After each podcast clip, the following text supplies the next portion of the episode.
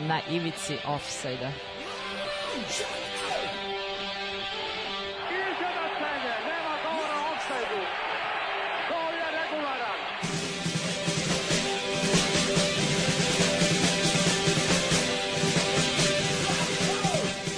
Vi ste se sad čak i setili sveće da donesete i da čestitate futbalerima. Pozdrav svima! E pa evo, mislim da bi trebalo da počnemo da se vodimo onim italijanskim receptom. Koji? Znaš da oni imaju za svako doba dana da imaju poseban naziv, imaju 16 posebnih naziva. Kasno, pre podne, rano, posle podne i tako dalje. Pa da, da. A mislim ima da, da ima pomeriđa, primo pomeriđa, matina do... A mi ima kao Pomeriđa sekundo. Kasno, kasno, po, kasno pre podne i ostalo. Da, eto, e, dobar dan, dobro veče svima. E, radimo, sada smo došli, jednu poslednjih emisija ove sezone, vidjet ćemo da li će nam biti, da li će Da li je da li pretposlednja? ili- pretposlednja ili ćemo još koju, to smo trenutno u pregovorima. A, ali evo to, ova, ova emisija je 70. naša emisija, tako da ćemo večeras pričati specijal o 70. 70. godinama, tako je. E, pričat ćemo, e, krenut ćemo od Hajduka i zla, zla, te, zlatne generacije 70. godina. E, Zatim ćemo pričati o jugoslovenskoj reprezentaciji koja je 70. godine baš ne pamti po mnogo čemu dobrome. Tako da će akcent biti na svetskom prvenstvu 74. Tako je.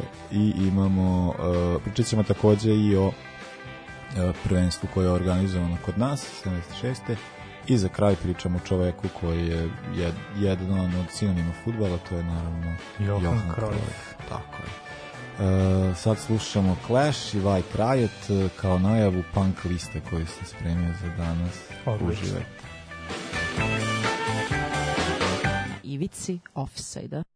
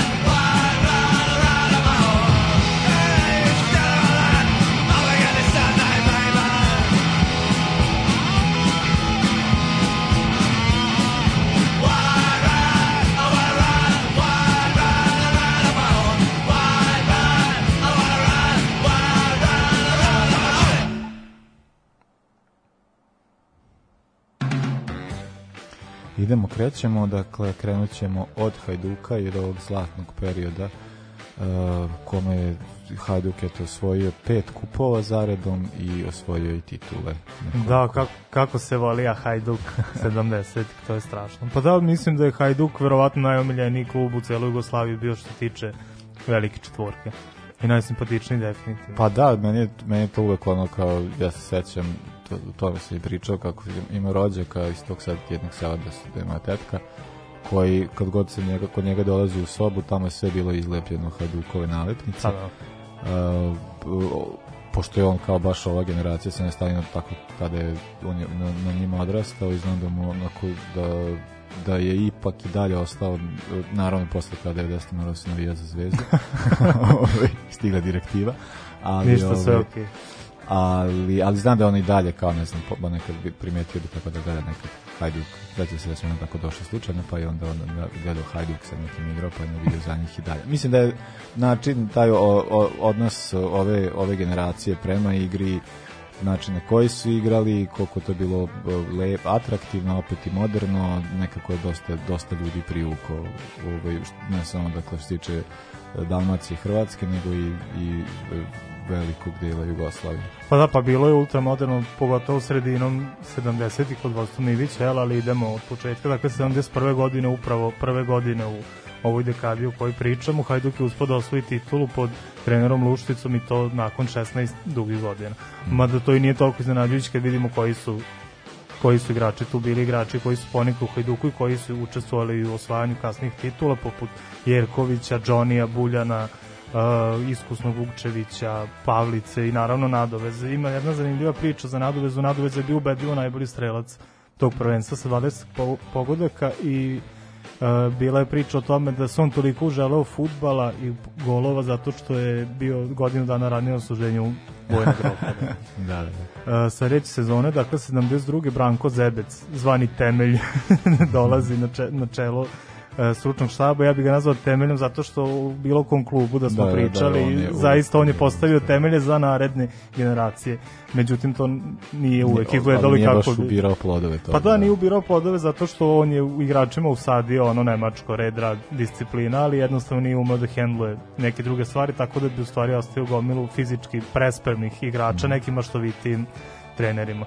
E, te godine Hajduk osvaja i svoju prvu od pet vezanih uh, kup, kupova, kupova da, da, da, tako da su tada igrali u, u kupu pobednika kupova gde su, kažu, tragično ispali od lica. Prve, od lica, da, to je... prve dve faze su prošli bez, bez većih problema, ali ih je onda sačekao lic na Eland Road je bilo 1-0, na starom pacu kod Plinara je bilo 0-0, tako da je lic na osnovu toga prošao dalje. I onda najplodniji period Hajduka, sledeće sezone Zebec odlazi, a dolazi, dolazi Tomislav Ilić. Koliko smo se ti ja ogrešio Tomislava Ilića, znači ne mogu da zamislim. Pa znaš da smo mi često pričali o najboljim ili o top 3 najboljih okay, jugoslovenska okay, trenera pa i. Ivić nam nije bio pa, da. ni na ivici ustane, nevjerovatno.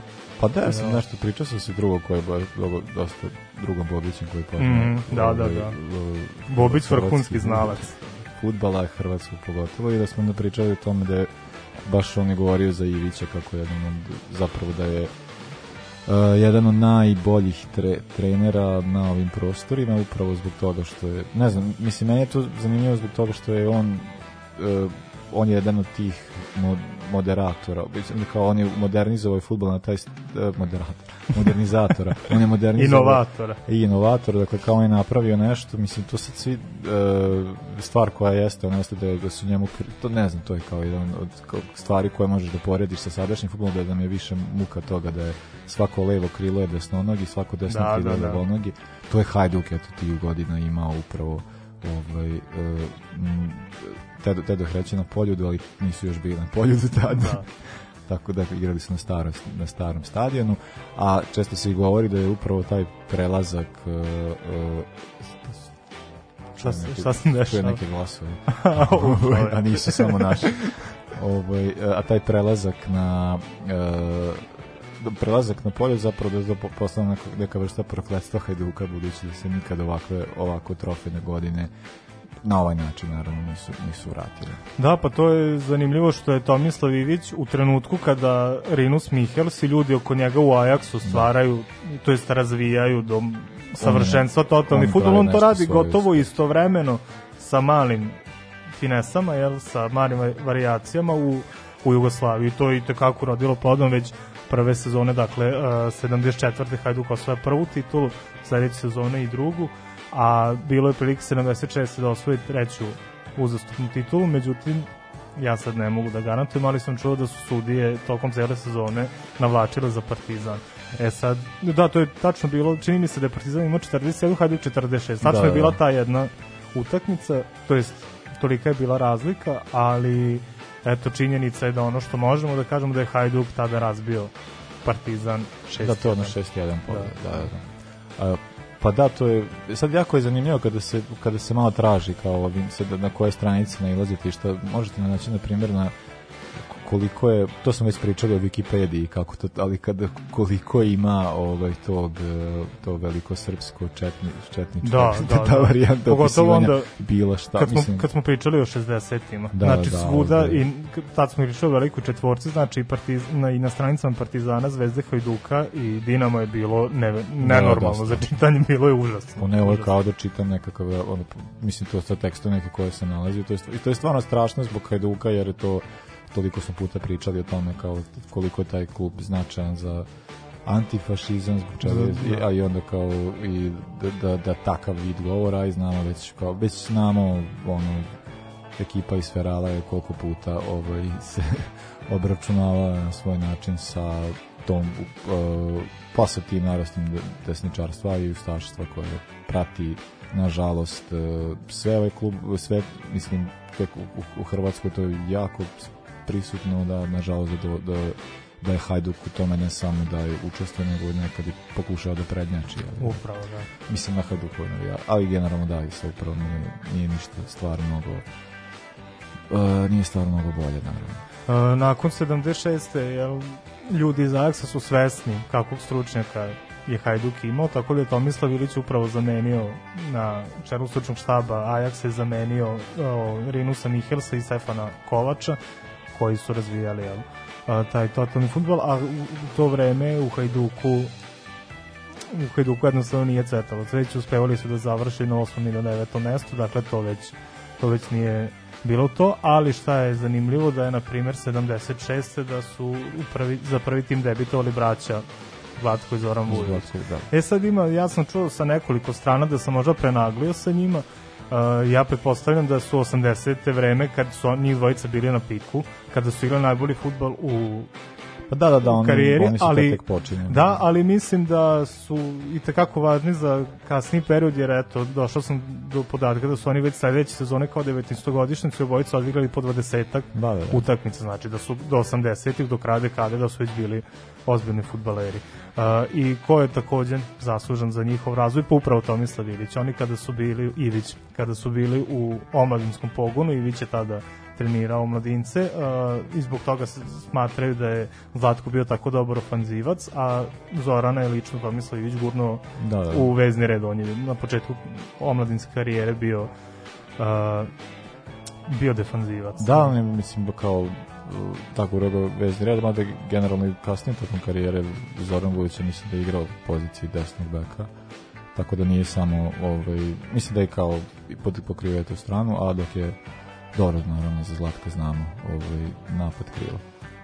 Da, pa Zlatko je, Zlatko je bio velik faca i naravno pamtimo ga zbog one, zbog one asistencije, jel, na, Ve, več, večna slava njemu. Da. Da, I a, 77. Hajduk osvaja poslednji od, od pet vezanih kupova i sad nisam siguran ona slika legendarna kad Ivica Šurjak mhm. e, kada ljubi kada ljubi trofej kupa nisam siguran iz koje to godine i jako mi je žao što iz ovog perioda nema nekih nekih čistih slika, ali ta slika je definitivno jedna od možda najepskih da. iz tog perioda, baš izgleda. Pa da, zato što mislim tada oni se baš pon... zato sam i ja kada se na, najavio prvo sam krenuo tih kupova zato što su, Mhm. to mi baš se, to je stvar tada je kup uh, ipak Uh, to takmičenje nešto imalo mnogo veći značaj, a, ovaj, a Hajduk je i osvajač poslednjeg jugoslovenskog, to je kupa maršala Tita, pa im je taj kup i ostao, koliko ja znam, sad ne znam gde, šta se poslednje Šta se desilo? desimo u ovim e, procesima rekreiranja istorije, ali ovaj, da, oni su osvajači to poslednje kupa i to su pobedili upravo Zvezdu koja je tada bila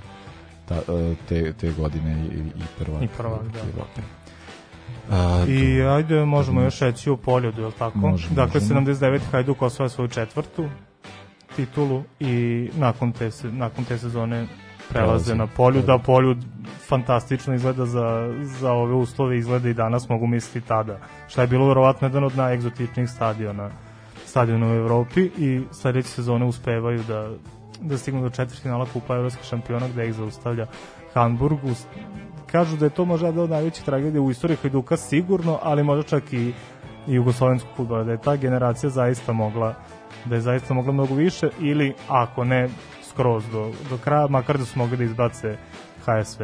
Kažu da je tragičar, jer revanš je bio Božo Primorac koji je prvo pu- dopustio da Hrubeš do, dovede HSV u vodstvo, pa zatim i promaše penal. Da, kao, čuo sam da nije hteo da šutira penal, pa je kao gu, Gudelj Da. Pazi ti, znači štoper od 21-2 godine Gudelj bio zaista mlad, on je bio primoran da igra jer su ostali igrači bili povređeni kao da je Gudelj uzao loptu da šutira, pa je Vić ustao s klupe i rekao kao nemoj da vam padne na pamet.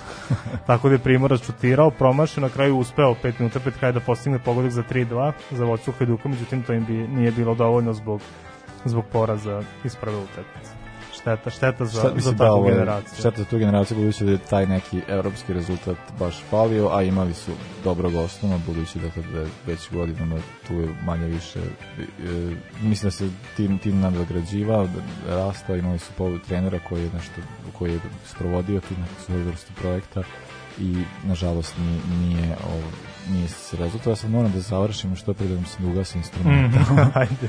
A, slušamo Ramonce, I wanna be sedated. Idemo.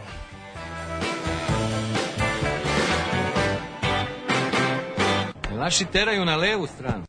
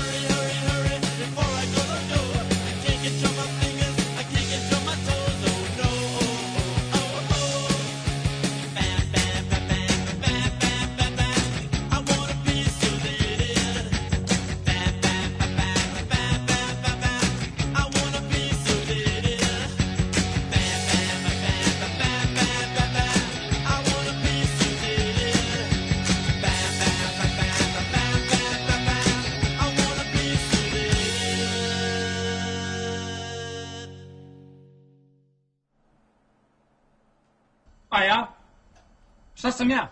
A? Brane oblak. Stojim ovde ku, u 16 tercu usamljen. Evo, stigo smo do jedne od malobranih svetlih tačaka reprezentacije Jugoslavije 70-ih, a to je svetsko prvenstvo 74. Da, uh, da, dakle, se, pričali smo kao što čemu ćemo da pričamo, ja sam teo da pričam, pošto smo pričali već o 50 60 reprezentacijama tadašnjim, Pa mislim nije izgovor da pričamo o jednoj ekipi koja baš nije išlo ovaj, da, ova, da, ova, da, ovo je jedna od gorih decenija.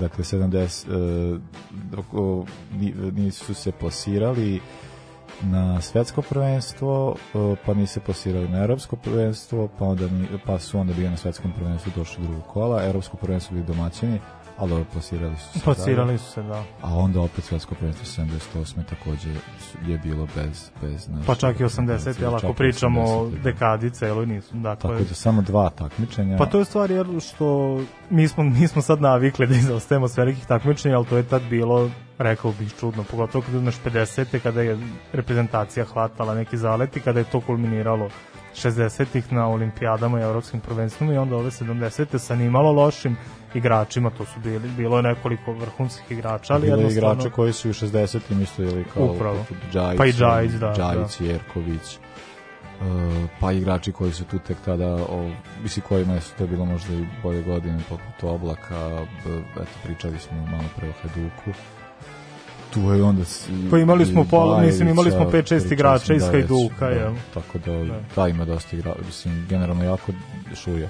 Dakle, bio jako Buljan. Dobar, da, jako dobar tim, ali ovaj, uh, ali eto, kako to već sad ide, nije im baš nešto nije im baš nešto išlo. Uh, trener je bio, da, ako možemo da pričamo o 74.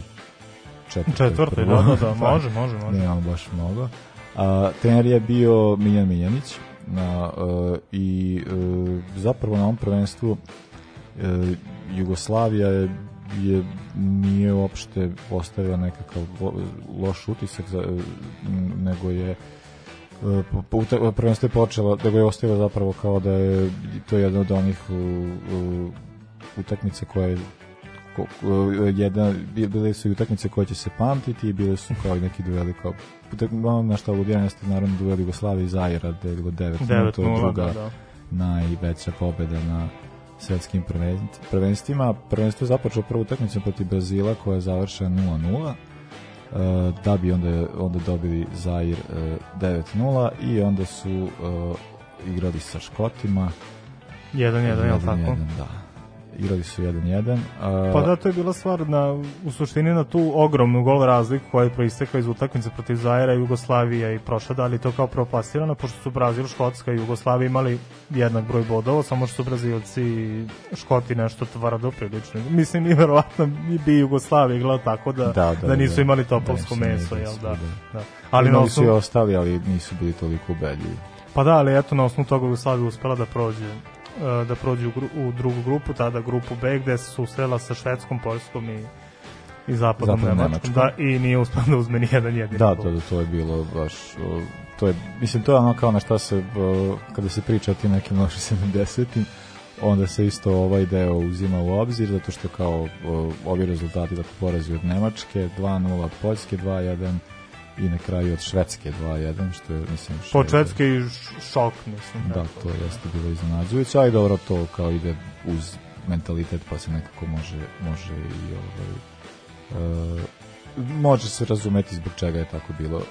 E, Ja sad ne znam, ne toliko pričao o 76. Počet ćemo svakako pričati Da, pričat ćemo ovaj, posle, Svakako ćemo pričati o, o Pa ja, ja bih rekao još o ovom nečku, ja sam pročitao tekst, to jest intervju sa Stanislavom Karasijem, koji je iznao dosta nekih priča, za ko to su baš na granice granice i, na granici izmišljanja, tako bih rekao, da. zato što vuče na one mnoge priče 90. sa uh, sa mundijala 90. kako u stvari kako oni ni- prvo nisu imali podršku ljudi iz Saveza, nisu imali nisu imali međusobno podršku jedni drugih, da su se delili u klanove i tako dalje, ali to je meni opet to je 74. to je meni nešto mnogo, mnogo rano za tako nešto. Bilo je problema, jel, i 70-ih po- početkom, jel, pre samog tog prvenstva. Da, ali ni, nisam, baš, nisam baš siguran koliko da, da poverujem u to.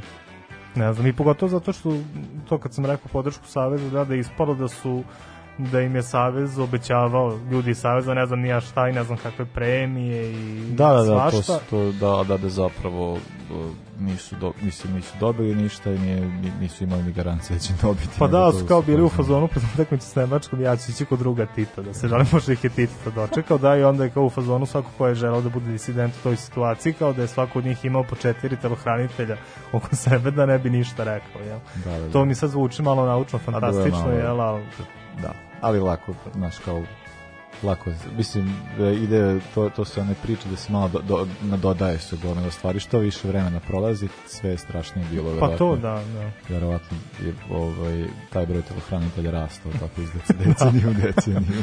E, Što se tiče samog prvenstva, imali smo još jedno veliko iznenađenje, to je reprezentacija Poljske, koja je u borbi za treće mesto uspela da savlada Brazil, mislim da verovatno ni Brazilci ni Poljaci Da, da, da. nisu svesni kako da strelac je bio Grzegor Žlato koji je bio ubedljivo najbolji strelac prvenstva sa sedam pogodaka postigao da, a u finalu ono tra, za sebe verovatno tragičnom, jel, pa i za celu holandsku jeste, naciju. naravno. E, zapadna Nemačka kao domaćin uspara da savda Holandiju 2-1. Inače odigralo se 7. jula, jednom od nas dvojice je rođendan. 7. jula, to nije Damir, pa šalite poklon. E, to, ti si rođen čoveče na, na Dan, dan, ustanka, dan jel? ustanka, da. da. E, strava. A, do, a, da, kao što smo rekli, do, na os, ostali godina Jugoslavija nije ništa ovaj, nije učestvovala na ostalim takmičenjima, već smo rekli problemi u Savezu, problemi zapravo i što se tiče, u, to je mislim, postojala je tu kao neka vrsta smene, ovaj, pošto se ova sad ekipa polako trebalo je da već se ti koji su 60-ih iznali veći deo posla su kao polako odlazili, a ovaj, ali generalno ja mislim da taj prelaz e, nije dobro dobro urađen, nije dobro to baš sasvim izvedeno i prošlo. I ovaj i, i nekako je to uh, a čudno je budući da je kvaliteta bilo to je ono Upravo, to, to da. nekako što jedino što nema smisla jeste da kao već, već najveću odgovornost bi kao što toga smo svesni sada, ali ovaj, verovatno e, možemo misliti tada kao da je stvar bila na savezu na način na koji, jer su stvarno e, što je futbol postaje profesionalniji nekako delovalo da se mi tu baš i ne snalazimo, a generalno tu sve više faktora utiče, a ovaj, e, oni nisu znali da to isprate, ili su znali, ali nisu mnogo marili. Ali dobro. E, sada ću vam poslušati malo domaćeg panka kad kažem domaćeg novosadskog, ovo Petnička patka i Bela šljiva, a zatim pričamo o Evropskom prvenstvu 76.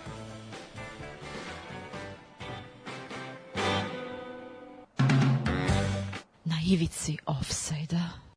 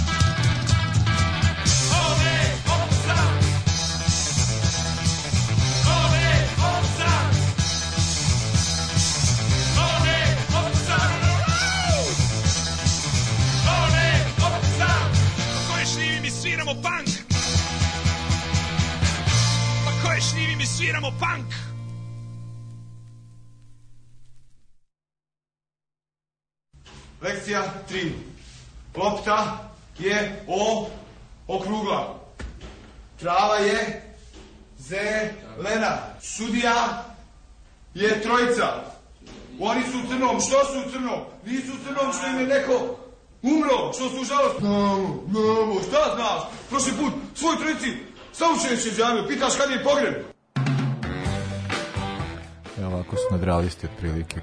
E, Meni će ovo biti za uvek smešno, nevjerovatno. Uh, dakle, da, došli smo do Ruskog prvenstva 76. Uh, ovo je prvenstvo takmičenja za, ovo, ovo takmičenje je zapravo zanimljivo zbog toga što ima nekoliko stvari koje što se U kojima je prvo i u kojima je poslednje, poslednje, da. da. Upravo, dakle, po, uh, posljednje takmičenje na koje se, se reprezenta, domaćin Kvalifikovao, kvalifikovao, tako je to ko nam kriv. uh, onda ono što jeste zanimljivo jeste da je prvo, takmičenje koje su sve utakmice rešene Nerešene, da. Da, nerešeno, pa da. onda znači produžeci i e, na kraju e, smo imali finale e, na penale i posljednje takmičenje u kojem je učestvovalo e, četiri reprezentacije na finalnom turniru, već počeo od sledećeg prvenstva 80. godina, učestvovalo je uh, osam reprezentacija da. sa domaćinom. Jeli. Uh, tebi je neko nešto bio pisao? Da, pa ima, imam pričao, da. izveštaj sa utakmica, Izveštaj sa jel imamo ljude, ajde, da. slušalci koji su već bili tamo. Ja bih hteo pre toga nešto da kažem. Mislim da je ovo pitanje opšte kulture i da mislim da 5% ljudi ne zna za ovo. Da, da, da, je, da je održano Evropsko prvenstvo 76. Pa, to ja sam možda- prilično siguran sad da smo u To milionašu. te vaše generacije. Pa to sigurno niko, ali definitivno niko ne zna, ali sad da smo u milionašu, mislim da bi ovo bilo pitanje za milijun kuna, definitivno. I sećam se, pa isto mi verovatno je bio neki jun, jel? Uh, kad su Daško i Mlađa pričali, pošto isto bili u fazonu i oni, pa i većina slušalaca kao o, o čemu se ovde radi, ne znamo da je ikad bilo neko veliko takmičenje, to ali eto, bilo je da. I bilo je prvo po mnogo čemu, prvo na Balkanskom poluostrvu, prvo Uh, prvo na, slo, da, na slovenskom govornom području u, u državi sa socijalističkim uređenjem Prva Tako da. iz, da, iz, iz nesvrstanih. iz, iz nesvrstanih tako je, da. Dobro, dobro, da. Da, pa evo što se tiče kvalifikacije, jel, eto zamislite to, je sad nezamislivo, jel, da, da ekipa koja, to je da reprezentacija čija je država domaćin evropskog ili svetskog prvenstva da mora da se kvalifikuje, ali Jugoslavija je tada morala i gledao sam uh, čak i ovo je peto evropsko, dakle prethodna četiri evropska, kako su, koga su domaćini dobijali u grupama. Dakle, to su uvijek bili neki Kiprovi ili su bile neke Da, da, da. skandinavske države, tako da su domaćini relativno lako i prolazili dalje, a i skandinavci su bili jaki oko prvog svetskog rata i 50-ih i olimpijske igre su uglavnom bile njihove njihovo područje, ali u ovom periodu su bili loši, tako da Jugoslavija preko Norveške, Švedske i Severne Irs- Irske uspela veoma lako da se kvalifikuje na svoje jel, evropsko prvenstvo i imali su samo jedan poraz i to Severne Irske u Belfastu, ali to je bilo u poslednjoj Da, bilo utakmici, sve je bilo rešeno, da. Uh, tako da je da se reprezentacija Jugoslavije kvalifikovala na prvenstvo uz Holandjane, Zapadne Nemce i Čehoslovakije. Da, uh, ovo, ovo prvenstvo je igrano, dakle, ne samo u Beogradu, nego igrano i u Zagrebu, na Maksimiru. I uh, prva utakmica je zapravo i, i utakmice su, da, prva utakmica je odigrana zapravo na Maksimiru, Na Maksimiru, otvo, otvorile polufinale uh, Čekoslovačka, uh, prvo polufinale Čekoslovačka i Holandija. Kao što smo rekli, dakle, sve utakmice prvi 90 90 minuta su bile nerešene, dakle, bilo 1-1 i onda su Čekoslovaci e, napravili iznenađenje i ovaj, e, plasirali se u finale. A, u Beogradu Jugoslavia igrala sa zapadnom Nemačkom I vodila I- i- 2-0. I to je jedna od, mislim da je nekako kad se to priča kao Nemcima i to na našim, našim utakmicama s Nemcima, mislim da je ovo, ovo je, ovaj, ovo je jedna, od- jedna od tih utakmica, ovo je vratno presudno, zato što smo mi vodili dakle, 2-0 golovima Popovoda i Džajića, da bi onda uh, zapadni Nemci izjednačili preko Vlohija i onda Millera. i- Dietmar Miller, da, Dietmar Miller, jel, za razliku od prezimljaka Gerda Millera nije bio toliko dobar strelac, ali je na ovom prvenstvu bio definitivno najbolji, inače legenda Kelna i, i Ne, ne, kasnije Bordova. Ja, se- ja se sećam, meni Čavo stalno pričao o Dieter Milleru, kao Stvarno? nikad nikome on ne znam da li je ikada dao toliko golova nekome sam nama dao Da. tri gola. ali gledao sam nešto, on je, on je tipa odigrao 12 utakmica za reprezentaciju i dao 9 golova. Jeste polovinu dao nama, da, ali, ali opet to uopšte, uopšte nije loše. Nije to strava strava učinak, da, ali kao njegovo prvenstvo, ovo mi je prvenstvo je bilo njemu kao kruna karijere, a bi bila bi da je došlo do ne, nekog drugog rezultata u finalu, ali zapravo jeste kao igrao je finale evropskog prvenstva. Uh, naši su bili prilično disponirani pa su utakmicu protiv uh, Holandjana uh, iz, izgubili, ali naravno opet na produžetke. Tu smo zapravo imali situaciju da su uspeli da je izjednače, ali onda su uspeli su da izjednače, gubili su 2-0, izjednačili su na 2-2, ali u produžecima i onda Gils je dao gol i Holandija je na taj način došla do tog trećeg mesta, dok je finale igrano u, u Beogradu I jedno veliko iznenađenje sad. i desilo se jedno veliko iznenađenje i ovo je prvo, prvo prvenstvo na kome su e, bili izvođeni penali, Penali, da, da. i na kome i na tom istom prvom prvenstvu kome izvođeni penali se desila Panjenka. Tako je Antonin Panjenka, da, legenda čehoslovačkog futbala i tada praške bohemije je postigao onaj čuveni pogodak. Eto, imali su 30.000 ljudi u Beogradu imalo priliku da prvi put prisustuje nečemu što je sad svakodnevno, sad kad Da. vidim Panjenku, ono, u fazonu bravo. Pa da, ono, kao to Panjenku kad neko radi, kao da to god uspe, sve je super. Da, a kad, se, a kad sjede, onda to će, je on će na, ga da, najgo, najgo, najgori mogući blam je kad sjebeš panjenku, kad golman ostane na sredini, a ti si šutno mlako ili, ili tako nešto. E sad dok, da, da, sad ako hoćeš za kraj da pročitamo poruku našeg može, slušalca može, Gorana. može. Evo, kaže, bio na obe utakmice. Ceo stadion u finalu skandirao ime Iva Viktora, heroje finala. Nemci isti tim koji je uzeo finala 74. ali bez Ger- Gerda Millera, što je bilo presudno. E, međutim, taj turnir je doneo najbolje poluvreme u istoriji jugoslovenskog futbala, to je onih 2-0, jel? E, kaže, nikad to neću zaboraviti, popio da je Džajić 2-0 protiv Nemačke i onda Džajić, Džajić i Šurijak obojice sjajne na levoj strani, zahvaljujući Mladiniću koji je ukapirao kako bi trebalo da ih komponuje. I to je bila ujedno i Beckenbauera 100 utakmica za na u finalu je bila Beckenbauera 100 To utakmica, utakmica, da. to nisam da. Eto, e, stišam Eto, to. hvala, I- hvala Goranu. Hvala Goran, eto izveštaj sa lica mesta. E, ako ima još neko neka sećanja može da podeli sa nama na 064 233 4:0, 4:0 a sad ćemo slušati pesmu koju često puštamo o, je, o, Homicide je naravno 999 a posle pričamo o Krojfu Petah Tikva he play second very very good. I think in second match result is open.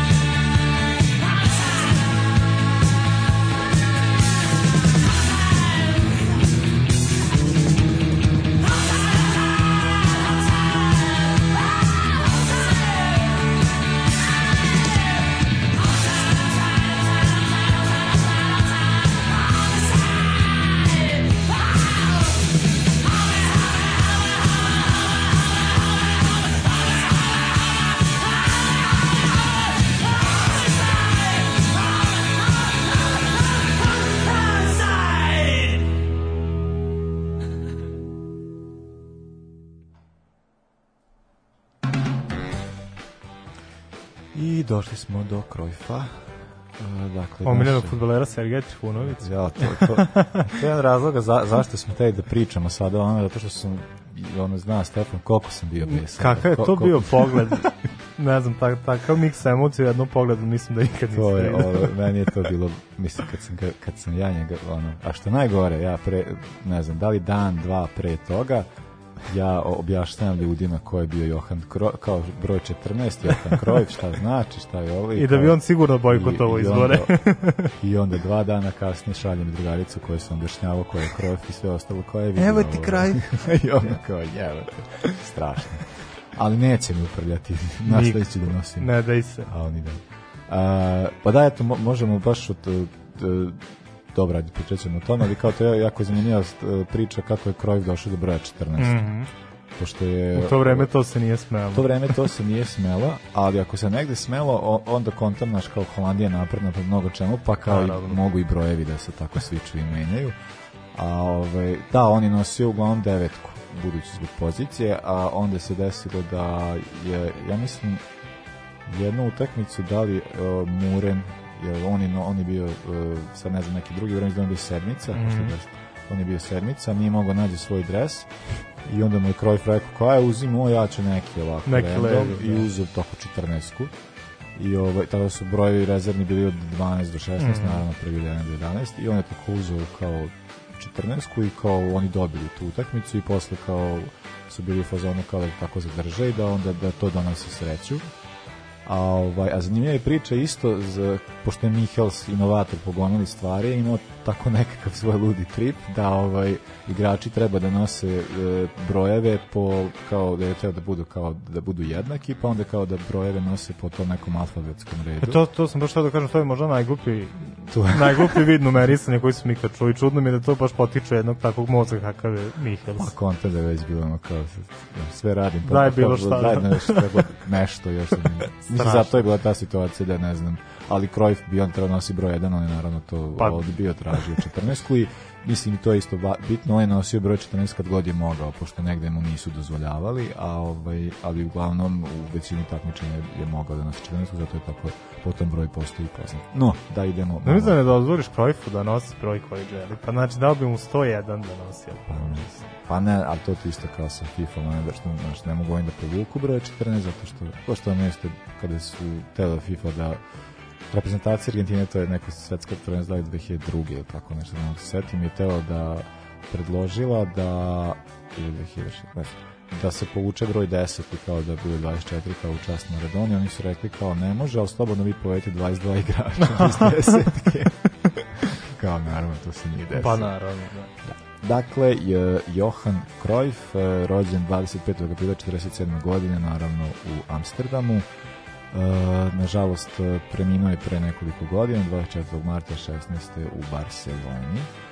E, čovek koji je ono, i kao igrač i kao trener ostavio nevjerovatno Ogroman uticaj, da. na, kako, mislim, što na ljude s kojima je igrao i koje je trenirao i dosta, dosta ljudi koji žive tu filozofiju njegovu kao igrači, kao ovaj e, kao igrači, kao treneri koji su nešto radili s njim, tako da ima dosta ljudi koji e, su nastavljači te to, to, to, futbola koje je on bio jeli, od gospodina Michelsa. Uh, svoju, sen- s- svoju karijeru je započeo u, u Ajaxu i tu je igrao do 73. godine. Pa dok nisu osvojili onu treću titulu. Treću titulu. Prvaka Evrope, da. Kad onda prelazi posle u Barcelonu. Da, pa što se tiče njega, jel on je bio ono što je bio Michels u Ajaxu na klupi, to je bio to je bio krok na terenu, tako je tako isto bilo i u Barceloni, dakle jedan neve- neverovatan mozak, neverovatan igrač koji shvata u tom trenutku e, u tom trenutku kada dan, što danas mnogi ne shvataju koliko je prostor kao takav važan za, za, samu, za samu futbolsku igru. Jedino uh, on se smatrao, vodio s time da ako osvojiš prostor i ako imaš posed kod sebe, jedino tad možeš da, da igraš futbol ako, ako diktiraš tempo. Tako. Da, neki su to pervertirali ovaj, poput Guardiole, da, pa to je baš bilo. Dobro kažeš perverzija. Ja, jedna, ali, ovaj, ali neki su... Da, ali vidiš, mnogi, isto mnogi treneri su od njega uzimali te neke stvari. Evo vidimo, na primjer, ljude od Ancelotija i Sakija do, na primjer, Fergusona, koji su imali sasvim različite, sasvim različite shvatanje futbola, ali su znali šta da uzmu od od Krojfa. Jednom se sviđa način na koji on razmišlja ofenzivno, jednom se sviđa uh, upravo ta priča o posedu, o prostoru i tako dalje. Dakle, imao je jedan nenormalan uticaj na, na ceo svet futbala nakon, nakon završetka karijere. Pa da, ja se sećam da sam gledao baš to, znam, da je, da je Cruyff pričao o nekom studiju ljudima, kao, kao ne sad bila neka kao neki komentatori, sad ne mogu se setiti ko je tu bio, uglavnom je bilo kao Cruyff je pričao njima kako je on igrao kako je on zapravo igrao jako defanzivno i onda ovaj, je objašnjavao šta je svaki igrač treba da radi, koliko da trči, kako, koliko, da, ula- koliko da se vraća nazad, kako pokriva poziciju i, kao, i kako se to i kako se to ofanzivno razmišlja u defenzivi i tako bilo totalno ludo. I jako dinamično kao i uvek kad je Cruyff bio Pa upravo, da. E sad što se tiče ovog perioda u Barceloni, mene čudi, makar što se tiče trofeja, ali Barcelona tada nije, nije nešto, nije nešto blisto, ali iako su imali standardno, standardnu finu ekipu, a nakon perioda u Barsi, jel, zadržao se čitavih pet godina, nije uopšte malo i tu ga i zahvatilo to i evropsko i svetsko o kojima smo malo prepričali, nakon toga odlazi po jednu, može se reći, na turneju po Americi, to mi nije jasno Da. i iz, iz kog razloga se baš, baš na to odlučio.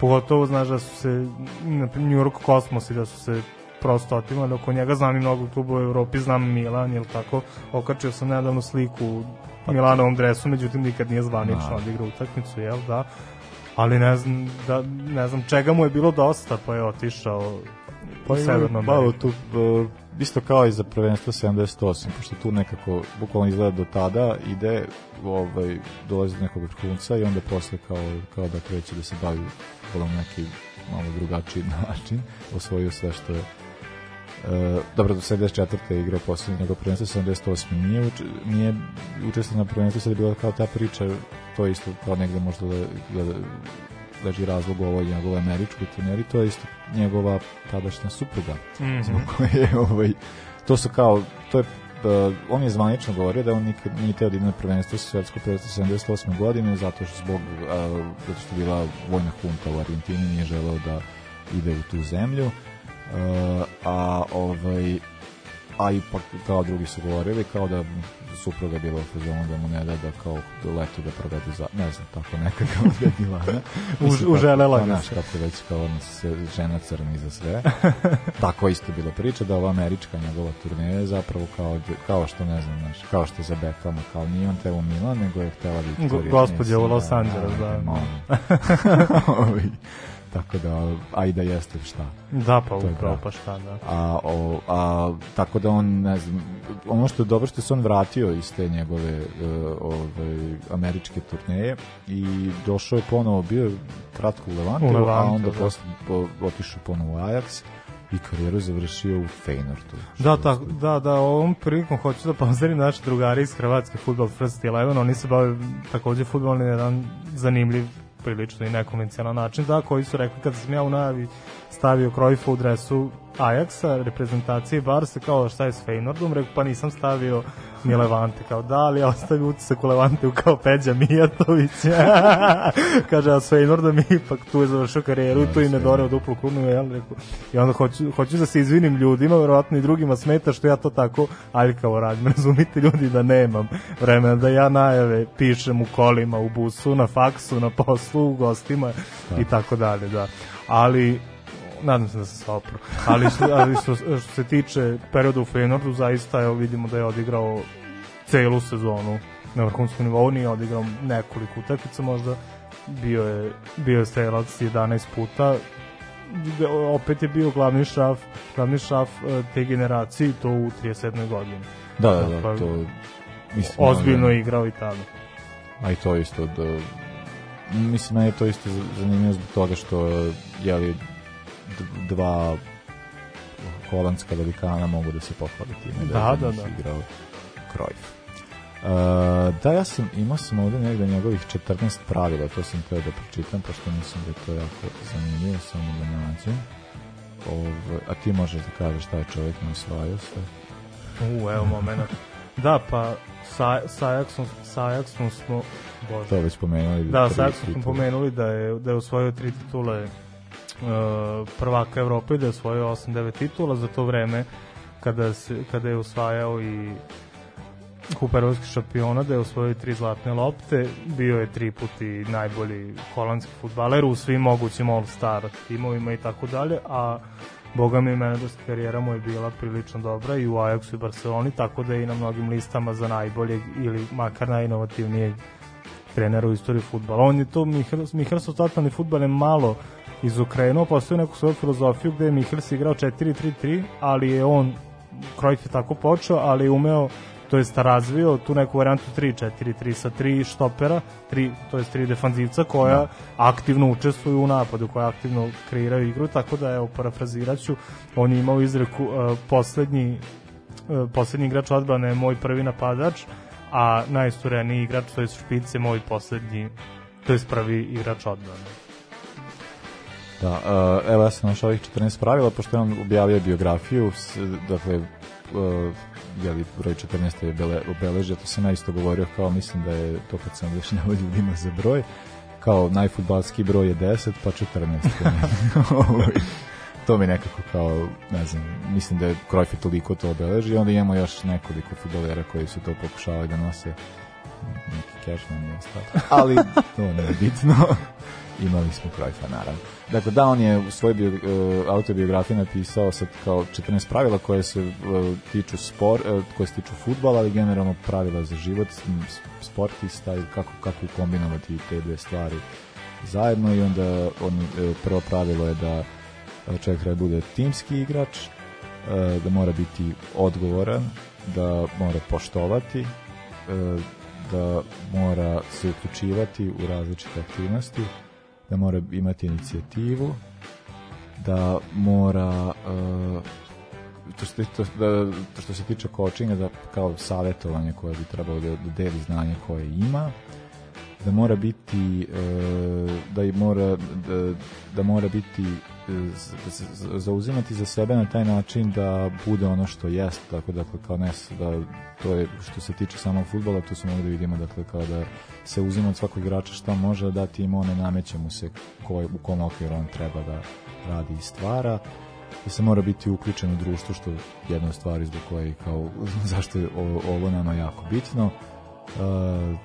Da, da je bitna tehnika, da je bitna taktika, da je bitan razvoj, da je bitno učenje i da je bitno da se igramo zajedno, a ono što je takođe važno, dakle kao pod kreativnosti on je govorio nešto što me jako podsjeća na ono što je Sokrates govorio, a to je da doneseš ljepotu u ovaj sport ili ovu igru, a ovaj, to je nekako uh, ono nešto zbog, zbog čega takvi ljudi kao što je Cruyff i ostaju upamćeni, zašto i se sada sećamo i nećemo pominjati one druge kretene koje se takođe njega sećaju, ali ovaj, uh, ono što jeste uh, jedno najvećih sigurno koje, koje smo mo, ne može, nismo mogli da gledamo, smo mogli da trake i ono, ja sam video svašta, tako da meni, da, Cruyff je jedno najveće. Pa evo, po ovom što čujem, znači, Johan Cruyff je pionir socijalnog rada među futbalerima, evo ovo šta što si pročitao, ovo ja slušam tako svaki dan na fakultetu, da. I još što je važno, ja spomenuo se taj njegov aktivizam, on je bio veliki filantrop, ima i svoju Johan Cruyff fondaciju koja je okrenuta uh, futbalu, ali uličnom futbalu ili, fu, ili čak i futsalu, da, to je cilj da se deca iz raznih krajeva sveta, da se druže druže kroz taj vid i to smo spomenuli jednom prilikom kad smo pričali da. o Sofijanu Tuzaniju koji je bio dugo ambasador, a i još bih volao da spomenem njegov stav u religiji. To je cijelu njegovu duhovitu izjavu gde je rekao kad je bio član Barcelone, pa izlaze na teren 22 uglavnom španca, jel, ili ti i da nisu španci uglavnom da. katolika, da, i kaže svaka od njih 22 se moli pred početak meča, kaže kad bi to palilo, onda bi svaka utakmica bila nerešena. A, da, verovatno. Ali dobro, svako to predvođa drugačije svojim da. potrebama. Uh, do, dođe smo do kraja. Uh, čujemo se za nedelju dana, to je sigurno. Za dalje ćemo, za posle ćemo za, videti. Za posle ćemo videti kako nam idu planovi. Uh, ukoliko se sviđa ovo što slušate, možete nas podržite putem e, Paypala, Patreona i dinarskog računa, sve informacije imate na, našim, e, na, na našoj Facebook stranici. E, za kraj smo pripremili isto jednu pesmu, e, čiji je tvorac bio Johan Cruyff, tako da će ovo biti, da, to, to Renesansna ko je ličnost. slušao ranije, seća se. A, iskopao sam ga pa sam rešio da pustimo. Ovaj, tako da imamo dakle, vokal Cruyffov. Za kraj zvučat će čudno, znam. Ovaj, I čujemo se za nedelju dana. Laku noć i prijatno. Sportski postroj. Ovoga puta to je bilo u sastavu Janjuš Kojović, Bećis Pahić, Bratić Katalinski Hadžabdić, Jelušić, Janković, Bukal, Sprečo i Deraković. Evo je, Do, šefe. Sarajevo, zdravo, zdravo, Jes, jes, Sarajevo. šefe, dobro šef. Sad smo jedan, jedan.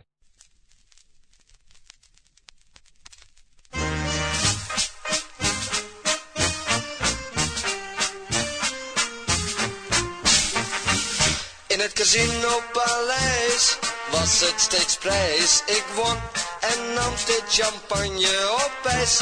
Maar de croupier werd steeds bleker rooier. En de chef kreeg een kleur van heel oude thee. Maar toen daar de bank juist door mij springen zou, zat ik daar toch maar weer mooi in de kou. Want alles stoppen, in de klappen.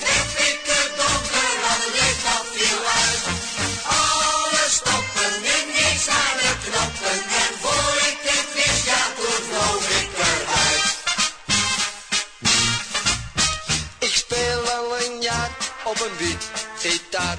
Niet goed, maar keihard, dus berg je maar. Want in het lawaai heb ik pas mijn draai. Maar gisteren ging ik goed af in de rij. Ik gaf er een show en deed dat heel knap. Maar toen maakte ik sluiting en kreeg me een klap. Want alles stopte, in